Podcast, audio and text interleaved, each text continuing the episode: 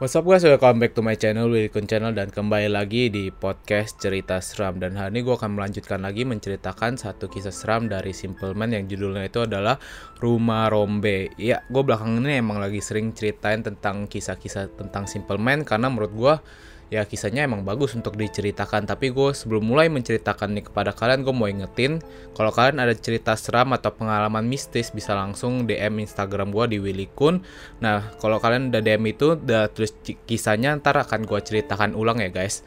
Tapi gue juga sebelum mulai jangan lupa untuk selalu support channel ini dengan cara klik tombol subscribe-nya nih di depan layar kalian sebelah kanan pojok kanan nih tinggal klik tombol subscribe-nya. Terus kalau kalian denger di Spotify bisa langsung klik tombol following ya guys. So gue langsung menceritakan tentang Rumah Rombe dari Simple Man. Rumah Rombe, tidak ada yang tidak mengenal peristiwa ini, sebuah peristiwa yang dulu sempat membuat geger satu desa, bahkan begitu mengerikannya tragedi ini sehingga membuat banyak orang bergedik ngeri setiap melihat saksi bisu peristiwa ini. Ya, benar, itu adalah rumah Rombe. Sebelum gue mulai masuk ke bagian ceritanya, tidak ada salahnya bila gue kembali mengingatkan bahwa peristiwa semacam ini sebenarnya banyak di sekeliling kita. Hanya saja apakah kita begitu peka untuk menyadarinya karena apa yang akan kalian baca merupakan salah satu dari sekian banyak peristiwa yang mungkin di luar nalar kita. Manusia kadang terlalu kecil untuk tahu apa yang tidak seharusnya diketahui dan mungkin ketidaktahuan ini adalah hal yang membuat manusia dapat bertahan di tengah banyaknya kengerian di sekeliling kita. Baiklah, cukup untuk intronya, jadi mari kita mulai ceritanya. Tahun 2015 gue udah kelas 5 SD, sebelumnya gue akan tulis kembali di mana gue tinggal.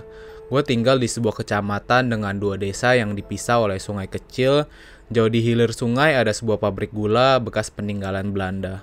Kita tidak akan membicarakan pabrik itu karena nantinya akan ada waktunya untuk gua menceritakan apa yang ada di sana. Sesuatu yang mungkin kadang nggak bisa diterima oleh akal sehat. Kita masuk ke desa gue lebih dahulu, karena apa yang akan gue ceritakan adalah salah satu dari bagian kelam yang pernah gue saksikan dengan mata kepala gue sendiri. Desa gue dulunya adalah sebuah rawa-rawa Sungai yang membelah desa agak lebih dari sungai kecil yang airnya mengalir dari sungai besar yang jauh di utara. Karena desa gua adalah bekas rawa-rawa, membuat banyak orang berpikir ulang untuk tinggal di tempat ini.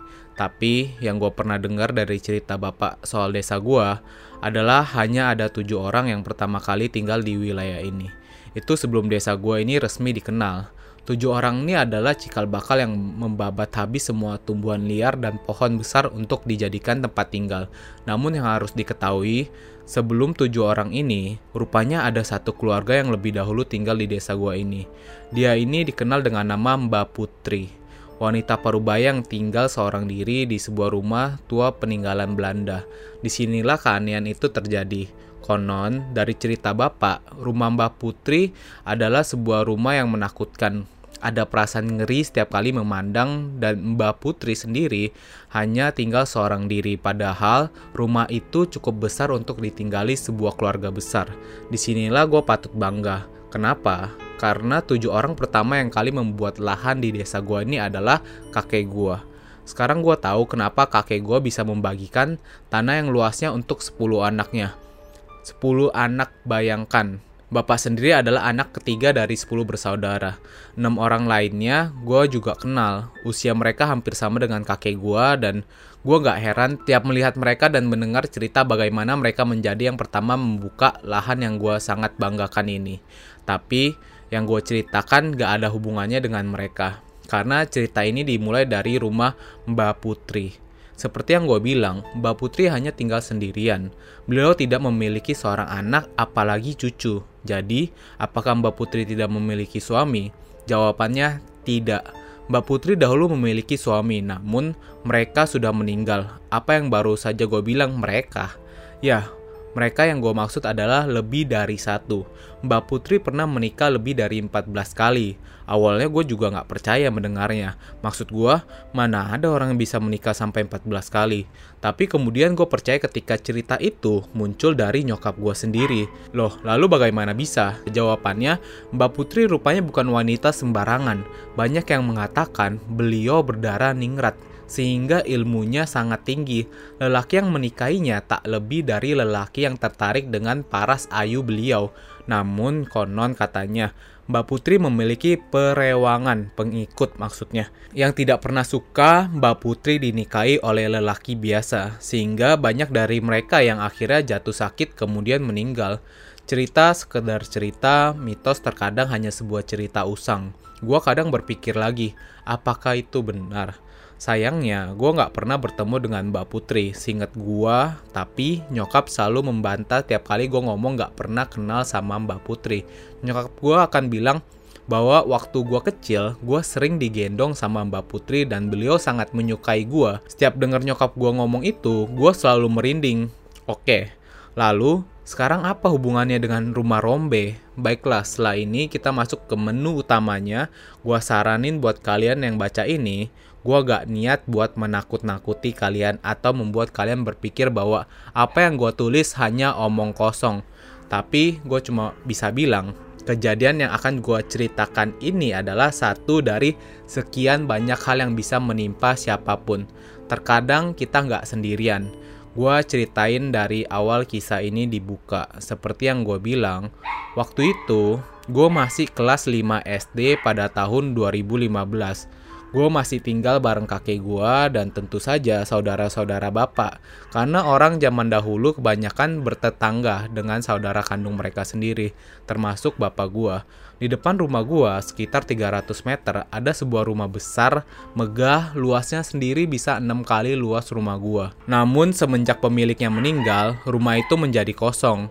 Rumah itu adalah rumah milik Mbak Putri. Setiap kali pulang ngaji, mau gak mau gue bakal lewat samping rumah itu. Dan entah kenapa setiap melihat rumah itu, ada satu titik kecil rasa penasaran yang buat kadang kaki gue seolah diajak untuk masuk ke sana. Ya, seolah-olah rumah itu bisa menarik rasa penasaran seseorang. Bertahun-tahun rumah itu dibiarkan kosong begitu saja, rumput liar sudah mulai tumbuh di halamannya. Terkadang bila ada waktu, bapak dan tetangga ikut memotong rumput biar terlihat lebih rapi. Di depan rumah itu ada sebuah pohon mangga. Pohonnya besar, jauh lebih besar dari pohon mangga biasa. Rumahnya sendiri menghadap ke utara, tidak ada pagar di sekelilingnya, hanya dua pintu dengan corak Eropa. Lantainya masih menggunakan bahan tekel. Gue pernah tanya nyokap, kenapa rumah itu dibiarkan kosong? Nyokap bilang gak ada yang mewarisi tanah itu dan rumah itu sampai suatu hari gue lihat sebuah mobil kijang lama berhenti di depan rumah itu. Rupanya, rumah itu sudah dibeli, dimiliki oleh seseorang, dan tidak akan lama lagi rumah yang sudah kosong bertahun-tahun itu akan ada yang menempati lagi. Gue punya firasat buruk soal ini keluarga Rombe. Itu yang pertama gue dengar waktu nyokap ngobrol sama bapak. Keluarga Rombe bukan orang asli Jawa, seinget gue beliau berasal dari Kalimantan. Alasan kenapa beliau tinggal di sini adalah karena keluarga Rombe memiliki bisnis di bidang pembuatan bego sak untuk padi. Keluarga Rombe dipimpin oleh Ibu Parubaya, mungkin usianya sekiranya kalau gua gak salah, mungkin sekitar 51 tahun. Masih bugar, beliau menggunakan bahasa Indonesia belum bisa menggunakan bahasa Jawa. Beliau memiliki tiga orang anak yang paling tua adalah Mas Romi. Usianya mungkin 21 tahun waktu itu. Anak keduanya adalah seorang perempuan namanya Mbak Rahel. Usianya sekitar 18 tahun. Dan yang bungsu namanya Tommy, 14 tahun. Penilaian gue tentang mereka adalah mereka keluarga baik-baik. Bahkan baru pertama kali kenal, mereka membagi-bagikan makanan ke tetangga. Selain itu, mereka juga tidak pernah lupa menyapa tetangga bukan kriteria orang kaya yang sombong. Lalu semua ini dimulai pada saat itu. Suatu malam Bu Rombe pernah bermimpi. Beliau didatangi oleh orang yang tubuhnya besar dan tinggi, kulitnya hitam pekat sehingga wajahnya tidak kelihatan. Tidak hanya satu, melainkan bergerombol. Mereka meminta Bu Rombe mengikutinya. Gue ingat karena Bu Rombe pertama kali menceritakan ini sama nyokap gue. Gue cuma curi dengar. Dan karena waktu itu gue cuma anak kelas 5 SD mungkin pikir nyokap gue gak akan mengerti. Gue bisa lihat mata Bu Rombe berair seperti menangis bibirnya gemetaran. Nyokap hanya mengatakan agar beliau tenang sesekali mengelus bahu. Kumpulan makhluk hitam itu membawa Bu Rombe bertemu dengan satu makhluk yang besarnya berkali-kali lipat dari makhluk yang membawanya sebegitu besarnya sampai Bu Rombe tidak bisa melihat wajahnya. Nyokap gue hanya mengatakan, Dalbo, hantu tinggi besar. Saat bertemu, Burombe mendengar makhluk itu berbicara bahwa mereka tidak keberatan keluarga Burombe tinggal di sini. Namun, mereka mengingatkan untuk berhati-hati selama tinggal di rumah ini. Burombe tidak mengerti maksud ucapan itu. Gue cuma dengerin dan masih bisa lihat wajah ngeri Burombe. Setelah itu, Burombe terbangun begitu saja. Sejak saat itu, banyak kejadian janggal terjadi dan ini semua hanya menimpa Burombe. Mula-mula waktu Bu Rombe mendengar suara bising di dapur, beliau pergi untuk melihat dan ketika sampai di dapur, beliau melihat gayung yang melayang begitu saja. Awalnya ini semua masih bisa ditahan oleh Bu Rombe karena beliau adalah Kristen yang taat. Namun semakin lama semakin menjadi-jadi. Kamarnya Bu Rombe ada di dekat ruang tamu. Di lorong pertama di samping jendelanya ada pohon jambu air. Pernah waktu beliau sedang tidur, ada suara tawa cekikikan dari luar jendelanya karena penasaran. Beliau mengintip lewat celah jendela dan betapa terkejutnya beliau waktu melihat ada wanita bergaun merah duduk di salah satu tiang pohon jambu air, menatapnya dengan mata yang hitam. Semuanya kejadian ini hanya diceritakan pada nyokap gua karena rumah gua waktu itu rumah yang paling dekat dengan rumah Bu Rombe. Selain itu, nyokap bila ada kesulitan keuangan, Bu Rombe lah yang selalu membantu. Nyokap pernah ngasih saran untuk memanggil kiai atau orang pintar. Tapi Bu Rombe menolaknya. Beliau adalah umat Kristen yang taat dan memanggil kiai atau orang pintar tidak ada dalam imannya. Namun bukan berarti Bu Rombe pasrah dengan keadaan ini. Pernah ia memanggil teman gerejanya, seorang wanita ujur dan ketika wanita itu menetap semalam, wanita itu menjerit tak henti-hentinya dan mengatakan bahwa rumah ini dibangun di tanah terkutuk. Hal ini sempat membuat orang-orang di desa berkumpul karena wanita itu terus berteriak dan menjerit seperti kesetanan. Burombe semakin takut, sementara anak-anaknya tidak tahu apa-apa. Semua gangguan-gangguan itu rupanya terus berlanjut dan menjadi semacam rutinitas bagi Burombe. Sampai beliau tahu di mana tempat, dan siapa penunggunya. Hal ini belum menimbulkan konflik kekerasan fisik sampai Bu Rombe kembali bermimpi, mimpi yang sama bertemu dengan makhluk hitam dan membawanya ke sosok besar dan tinggi itu lagi. Kali ini suaranya marah. Sangat marah sehingga Bu Rombe sampai menangis sejadi-jadinya keesokan harinya. Konon beliau marah karena ada tamu yang tidak diundang hari berganti hari dan gue bisa lihat sendiri perubahan yang terjadi dengan Burombe. Beliau menjadi lebih kurus, pucat, dan tampak letih. Gue bisa menebak bahwa mungkin tidur adalah hal yang paling dia hindari, mengingat ketika beliau bercerita ke nyokap bahwa makhluk itu semakin intens mengganggunya, menteror dengan nada marah yang bahkan Burombe sendiri tidak mengetahui sebabnya. Tamu tak diundang, Nyokap selalu memberikan saran agar Bu Rombe mencari pertolongan. Seseorang yang mungkin tahu hal-hal mengganggunya namun Bu Rombe selalu menolaknya. Beliau percaya dengan kekuatan Tuhan dan imannya. Siang itu gue lagi makan di teras, gue kaget waktu Mbak Rahel nyamperin gue. Mak di mana? Tanyanya, wajahnya panik di dapur kata gua. Nyokap yang denger suara Mbak Rahel buru-buru keluar. Air matanya sekarang keluar. Nyokap segera berlari dengan Mbak Rahel menuju rumah. Gue ikut di belakang mereka, begitu sampai di dalam rumah, Mbak Rahel nunjuk kamar Bu Rombe. Dibukanya pintu itu dan seketika bau anyir bangkai tercium menyengat. Begitu menyengatnya sampai gue gak mau masuk lebih jauh. Tapi gue bisa lihat dengan mata kepala gue sendiri, Burombe tengah terduduk di atas ranjangnya. Matanya merah baru menangis, kondisinya benar-benar gak karuan. Kemudian beliau muntah. Muntah cairan hitam yang gua yakin bukan darah. Warnanya hampir sama dengan darah yang mengering tapi itu bukan darah. Karena baunya anyir busuk itu berasal dari cairan itu. Tolong, ucapnya, tolong. Nyokap gue langsung lari mencari Pak RT. Pak RT datang dan beberapa warga, tapi ketika mereka masuk, gue inget Bu Rombe malah tertawa cekikikan, kemudian berteriak lantang. Keluar! Bingung, itu yang gue yakin sekarang ada di dalam pikiran Pak RT dan bapak-bapak. Karena setiap kali Pak RT mengingatkan untuk istighfar, Bu Rombe justru tertawa. Apa itu istighfar? Istighfar, imanmu saja masih sekecil jari kelingkingku. Gak usah pamer. Tegang wajah semua orang, termasuk gua yang ada di baris paling belakang sekedar mengintip di luar rumah, orang-orang berdatangan semakin ramai. Mbak Rahel kemudian mendekat kamu siapa? Mama mana bisa bahasa Jawa? Makmu. Dia tertawa lagi, lebih keras dari sebelumnya. Aku bukan ibumu, anak gadis. Pak RT cuma menahan Barahel agar tidak mendekatinya, sampai Mbak Gimon muncul. Beliau masuk ke kamar dan melihat langsung apa yang ada di depannya. Ah, setan anjing. Mbak Gimon itu tetangga jauh gua, kesehariannya hanya berkebun tapi beliau pernah menghadapi hal semacam ini, yaitu ketempelan atau kesurupan. Yang bikin gue takjub, Mbak Mbak Gimon tidak membaca ayat suci untuk hal mistis semacam ini karena setahu gua cara itu yang dilakukan untuk mengusir.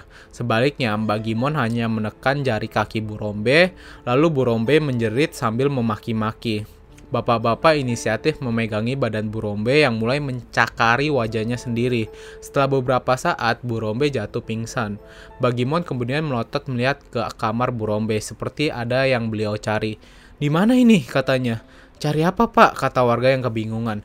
Mbak Gimon keluar dari kamar Burombe berbelok masuk ke kamar Mbak Rahel. Semua orang mengikutinya. Akhirnya dia membawa keluar sebuah boneka beruang. Kamu dapat dari mana ini nak? Mbak Rahel yang awalnya kebingungan lalu menjawab, dikasih mbah sama seseorang waktu pulang sekolah. Jangan-jangan, hmm, jangan mau lagi ya nak kalau ada yang ngasih kayak gini.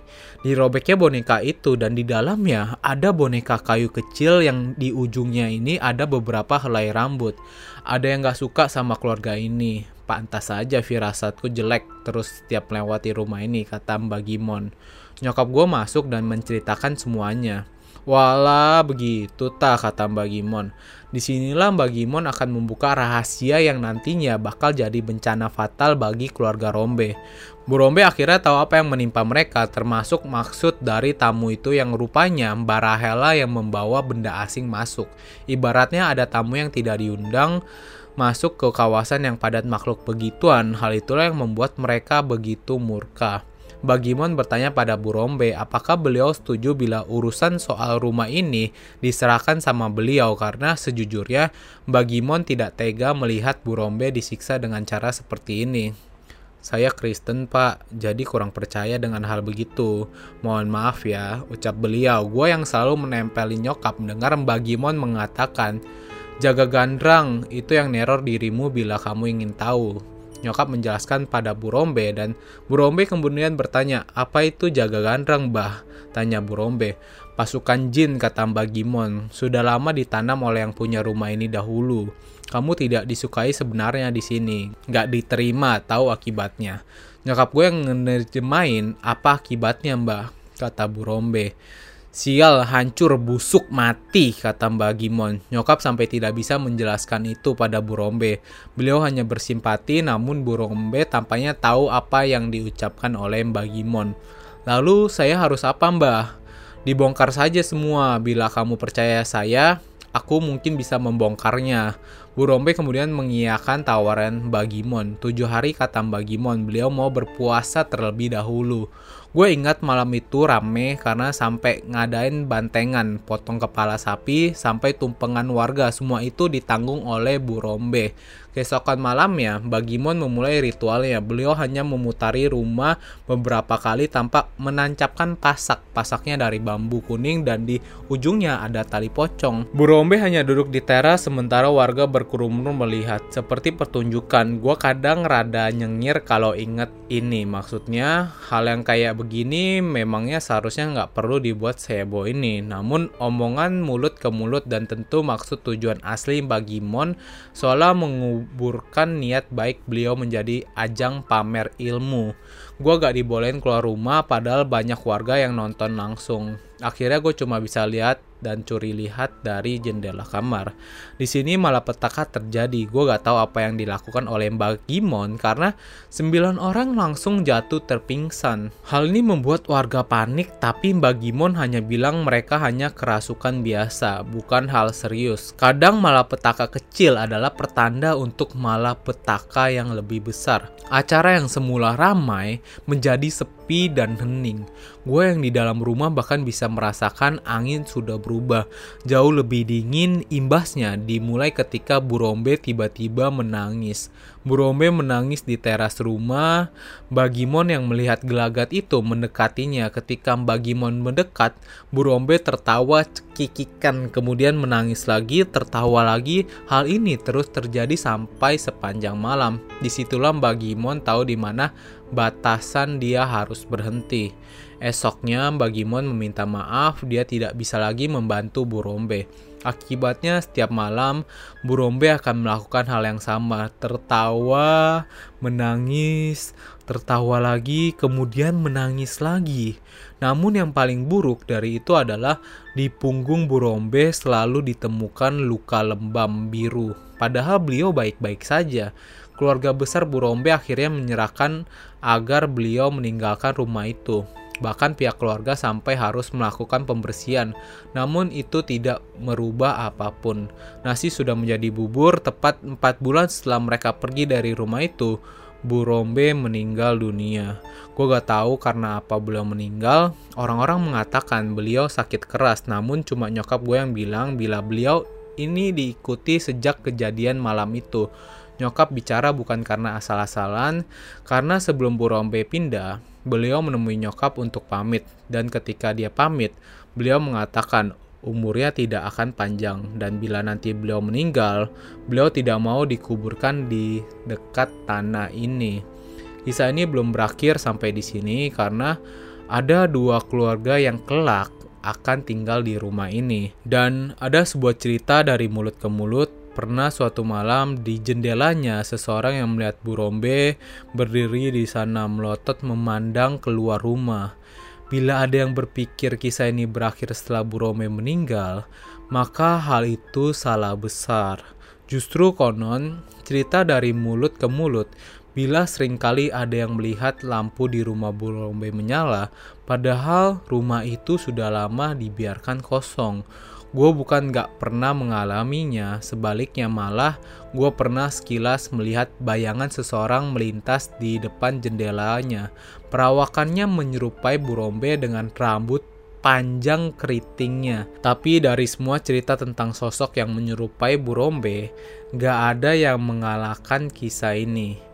Nah, kisah apa yang sangat menyeramkan selain cerita yang sosok Burombe akan gue lanjutkan di part 2-nya. So, ini dia akhir dari part 1 cerita Rumah Rombe. Gue mau ingetin kepada kalian, kalau kalian mau dapetin kaos yang gue pakai sekarang ini, akan gue bagikan secara gratis kepada satu orang pemenang setiap minggunya ya guys. Tapi untuk kalian yang belum beruntung mendapatkan kaos ini, akan gue kasih gantungan kunci dari cerita seram yang akan gue bagikan kepada enam orang setiap minggunya ya guys. Kalau kalian mau dapetin kaos ini secara gratis atau yang belum beruntung mendapatkan gantungan kunci ini secara gratis, tinggal follow Spotify Cerita Seram, kemudian ke akun YouTube gua di Willy Kun. Kalian tinggal klik tombol subscribe-nya, terus kalian komen di uh, videonya, kalian bilang, Bang udah gua subscribe, udah gua follow, dan yang beruntung akan gua hubungi ya guys. So, thank you for watching this video. And untuk yang kalian nunggu part 2-nya, bisa langsung lihat di kolom deskripsi, udah gua tinggalin di situ ya untuk part 2-nya. Thank you guys for watching this video.